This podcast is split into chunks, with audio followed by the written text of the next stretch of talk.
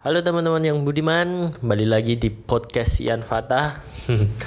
Sebelumnya aku ingin mengucapkan terima kasih banyak buat teman-teman yang sudah dengerin podcastku sebelumnya. Dan ini episode ketiga. Episode ketiga ini aku ingin berbicara tentang diriku sendiri, makanya aku kasih judul Me, Myself, and I. Untuk fokusannya aku ingin mengenalkan prinsip yang aku pegang, prinsip kehidupan yang selama ini aku pegang dan sampai sekarang alhamdulillah hidupku jadi enjoyable karena prinsip-prinsip ini dan semuanya ya otomatis berkat dukungan dan pembelajaran selama aku hidup ini. Oke, okay, prinsip yang pertama. Kalau prinsip yang pertama ini hmm, not money oriented. Jadi aku fokusannya bukan tentang materi, bukan tentang uang, tapi ini karena aku sudah berkeluarga juga tetap not money oriented. Bukan seberapa besar penghasilan yang aku terima untuk keluarga tapi seberapa eh bukan tapi apa yang bisa aku kerjakan untuk menghasilkan penghasilan untuk keluarga. Jadi itu sih. Pernah pada suatu ketika itu aku hmm, dalam sebulan itu dapat penghasilan cuma 300 ribu dan waktu itu istriku sedang hamil ya coba bayangin istri sedang hamil dan kalian tahulah ketika istri hamil itu pasti ngidam dan pengennya neko-neko pengen segala macem dan itu harus dituruti. Karena kenapa? Karena itu akan menjamin kebahagiaan janin dan juga istri. Kalau stres wah nanti janin juga bakalan berpengaruh juga kan. Nah itu. Dari uang 300 ribu itu ya ya alhamdulillah bisa kecukupan. Dan ngerti nggak? Dari 300 ribu itu aku bisa masih bisa beli bensin mobil beli bensin motor beli makan jajan dan bisa jalan-jalan. Ya itu. Ya karena prinsipnya not money oriented jadi ya yang penting berpenghasilan. Dan itu pun itu pun sebelum kelahiran pun aku masih punya penghasilan mepet pernah itu mau lahir itu penghasilanku juga tinggal sejuta. Dan alhamdulillah pas kelahiran semuanya sudah cukup. Padahal dari sejuta itu aku yakin untuk kelahiran pun itu masih belum cukup loh men. Kelahiran di bidan itu yang aku tahu ya minimal itu harus sedia uang satu setengah juta. Kayak gitu. Dan tabunganku itu masih sisa sejuta itu untuk urusan penghasilan dalam berkeluarga. Kalau untuk soal pekerjaan ya sama, not money oriented.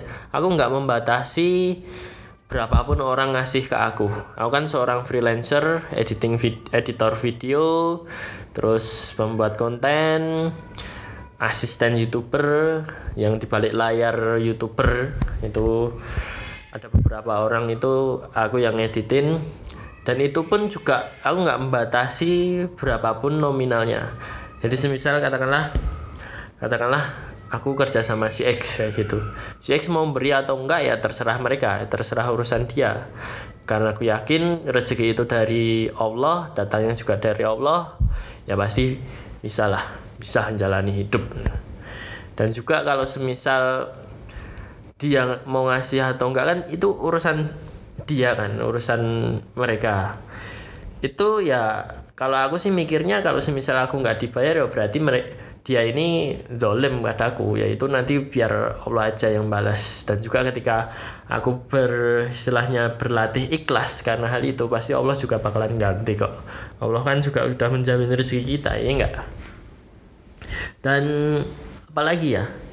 Terus kalau semisal kalau misal proyeknya itu dengan corporate apa aku baru ngasih red harga.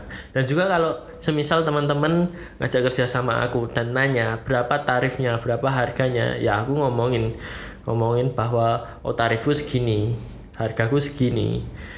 Dan itu pun kalau semisal teman-teman bayar ya terserah aku adanya cuma 200 ribu ya ya nggak apa-apa silahkan bayar. Aku akan aku akan semaksimal mungkin untuk bekerja dan menghasilkan yang terbaik. Kayak gitu sih.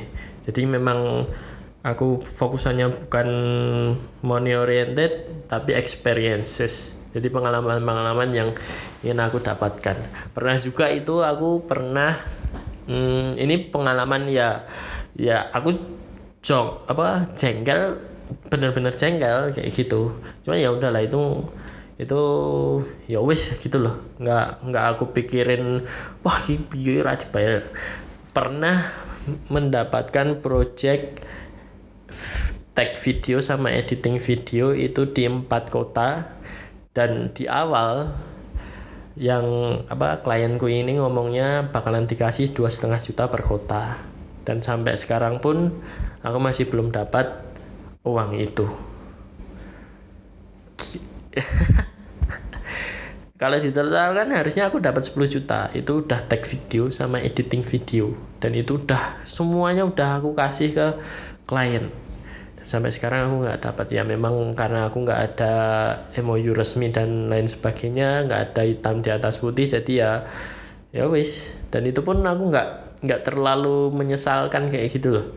Ya wis nggak apa-apa. Kalau emang nggak dibayar nanti biar biar Allah itu yang ngatur segalanya lah. Berarti dia dolim. Dan gini prinsipku adalah ketika ketika dalam hal berbisnis dan ketika mereka nggak adil dengan diriku ya udah untuk hal bisnis untuk hal apa project-project bisnis selanjutnya nggak akan aku terima.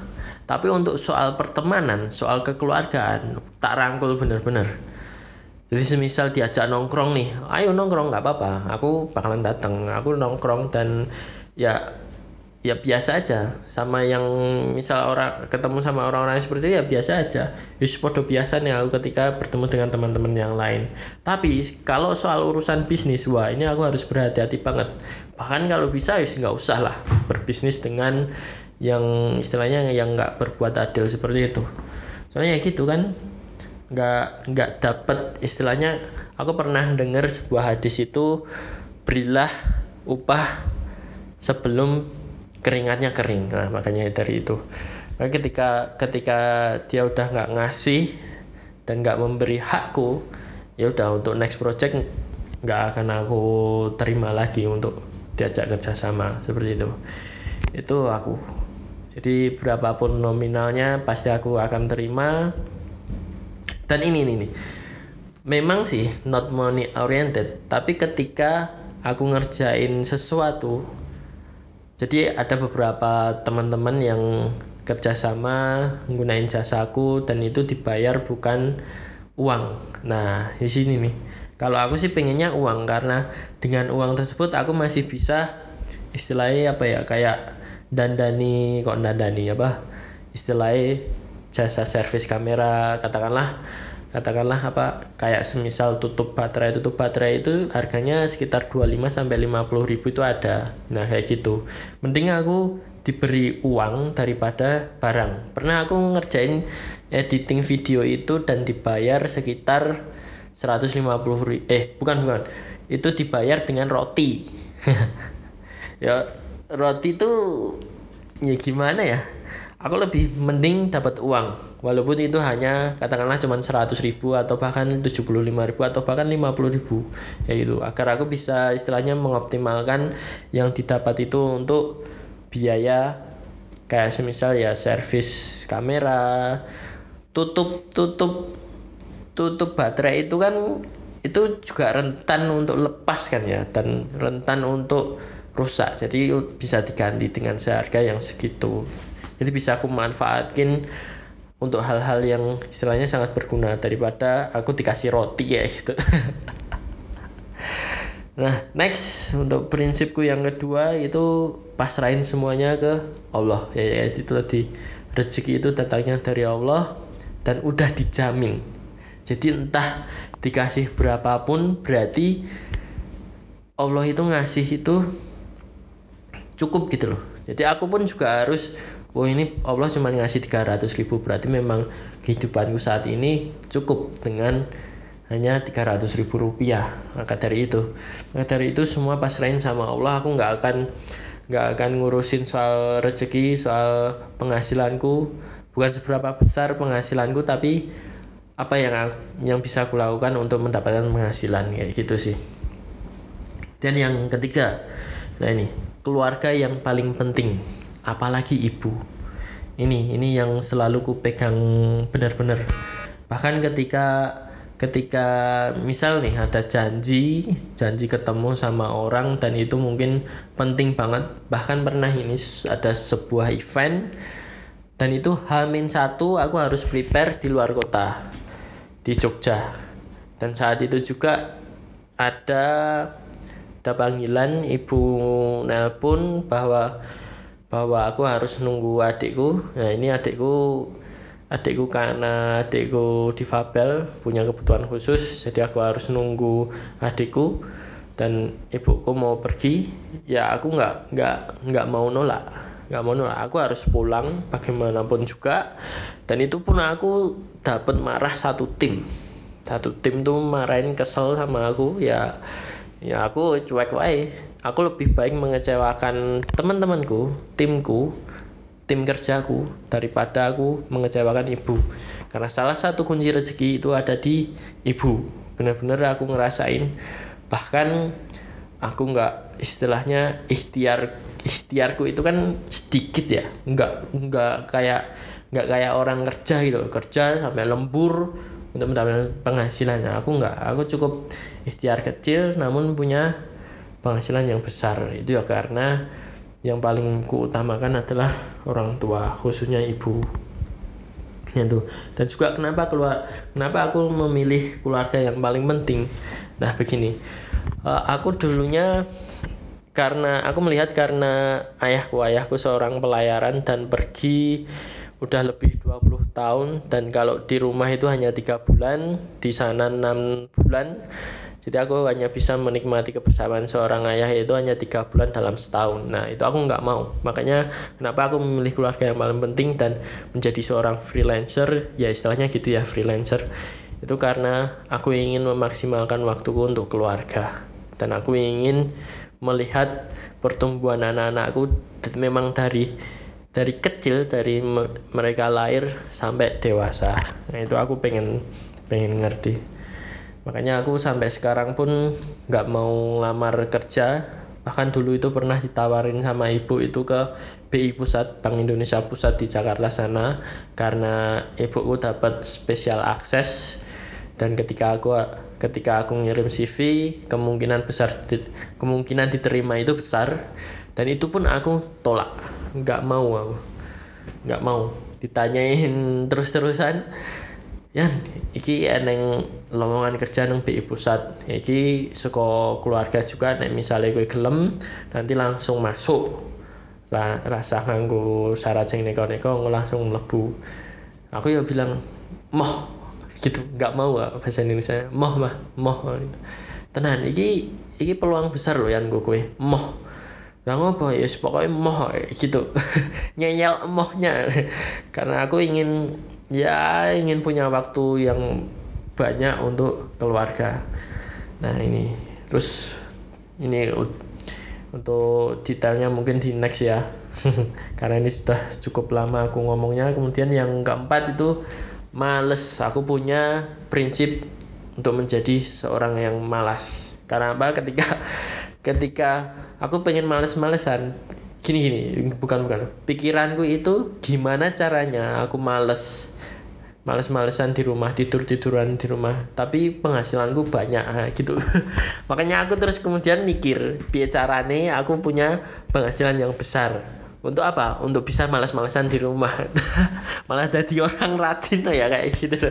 Soalnya memang bener aku punya punya prinsip untuk menjadi orang malas Wong aku ya kuliah itu hampir enam tahun dan setiap perkuliahan itu pasti ku habiskan tidur.